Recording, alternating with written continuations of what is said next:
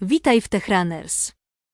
Słuchasz odcinka Pierwsze kroki z wirtualnymi asystentami z dnia 26 września 2022 roku. Kto z nas nie doświadczył takiej sytuacji? Kuchnia, bałagan, brudne ręce i dzwoniący telefon, fajnie byłoby go odebrać bez używania rąk, prawda? Jeszcze na chwilę zostańmy przy gotowaniu. Znasz wszystkie przepisy na pamięć? Ja bez przepisu gotuję tylko wodę i jajecznicę. Jak byłoby wygodnie, zapytać kogoś o kolejny krok w przepisie. Poprosić, żeby ustawił minutnik na 10 minut, albo przypomniał, że te ziemniaki to już najwyższa pora wyciągać z wody. Wskoczmy teraz na chwilę do samochodu. Wsiadamy do niego, a on jak automatyczna taksówka pyta nas, gdzie chcemy pojechać, jak bardzo nam się spieszy. Możemy zapytać o lokalne wiadomości lub zamówić ulubione jedzenie, które odbierzemy po drodze do domu, bez czekania. W naszym rodzimym cyberpunku możemy spotkać autonomiczne taksówki korporacji Delamain, obsługiwane i prowadzone przez sztuczną inteligencję. Obecnie do naszego cywilnego zastosowania najbardziej zbliżone wydają się być Tesla od Elona Muska.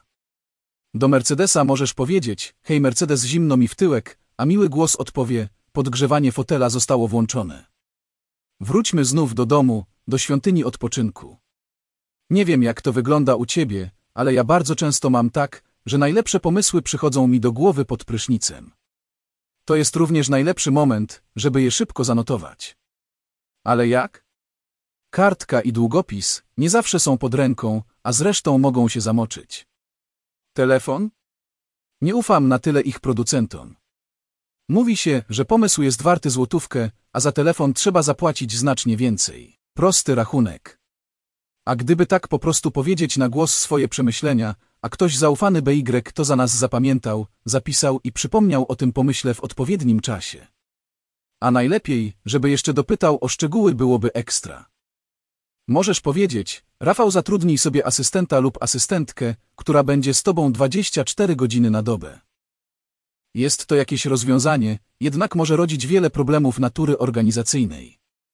Rozwiązaniem mogą być wirtualni asystenci tacy jak Alexa, Google Assistant, Siri lub zupełnie dedykowane rozwiązanie przeznaczone do takiego celu.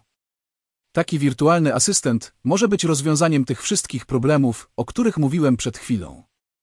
Wystarczy, że w dowolnym momencie poprosisz asystenta, aby coś dla ciebie zanotował lub wykonał określone zadanie, bez zaangażowania rąk, bez patrzenia w ekran. Już teraz możemy wykonywać proste czynności przez takich asystentów, jednak sprawa ma się podobnie jak z autonomicznymi autami. Niektóre mogą zawieźć nas do domu, a inne możesz poprosić o podgrzanie tyłka, bo ze zrozumieniem adresu mogą sobie nie poradzić, nie wspominając już o odnalezieniu się w ruchu drogowym. Jednak wątek wirtualnych asystentów pojawia się coraz częściej w naszej codzienności. Mogą to być asystenci edukacji, asystent ratownika obywatelskiego, asystent sprzedawcy, asystent w urzędzie, cała masa smart screenów wyposażonych w Alexę i Google Asystenta. Moim ulubionym przykładem filmowego asystenta jest Jarvis z serii filmów Marvela. Sztuczna inteligencja, która pomagała Tonemu Starkowi w jego misji ratowania świata. Lubię ten koncept za to, że twórcy serii pokazali w nim rozwój Jarvisa. Nie był doskonały, nawet popełniał głupie błędy, ale systematycznie się rozwijał i był coraz lepszy. Często oglądając tego typu produkcje, kupujemy sobie głośnik z wirtualnym asystentem i oczekujemy, że będzie to działało właśnie w taki sposób, jak w filmach. Rozmowa wydaje nam się najprostszą i najbardziej naturalną metodą komunikacji, no bo przecież najpierw uczymy się mówić, później dopiero czytać i pisać. Dlatego tak często pokładamy wielkie nadzieje w asystentach głosowych. Jednak musimy uświadomić sobie bardzo ważną rzecz. Komputery to nie ludzie, co prawda potrafią przeszukać cały internet w poszukiwaniu piosenki Yoma Ho Yoma So, ale nie zawsze zrozumieją nasze intencje. Żeby korzystanie z wirtualnych asystentów było dla nas przyjemne, użyteczne i intuicyjne musimy zaufać technologii i nauczyć się z niej korzystać. Dostosować oczekiwania do obecnych możliwości, jakie daje nam technologia. Pozwalajmy maszynom uczyć się naszych zachowań i przyzwyczajeń, a one kiedyś nam się za to odwdzięczą. Pracując dla nas i wyręczając nas w codziennych czynnościach. W kolejnych wpisach porozmawiamy o wirtualnych asystentach wspierających i automatyzujących konkretne obszary naszego życia.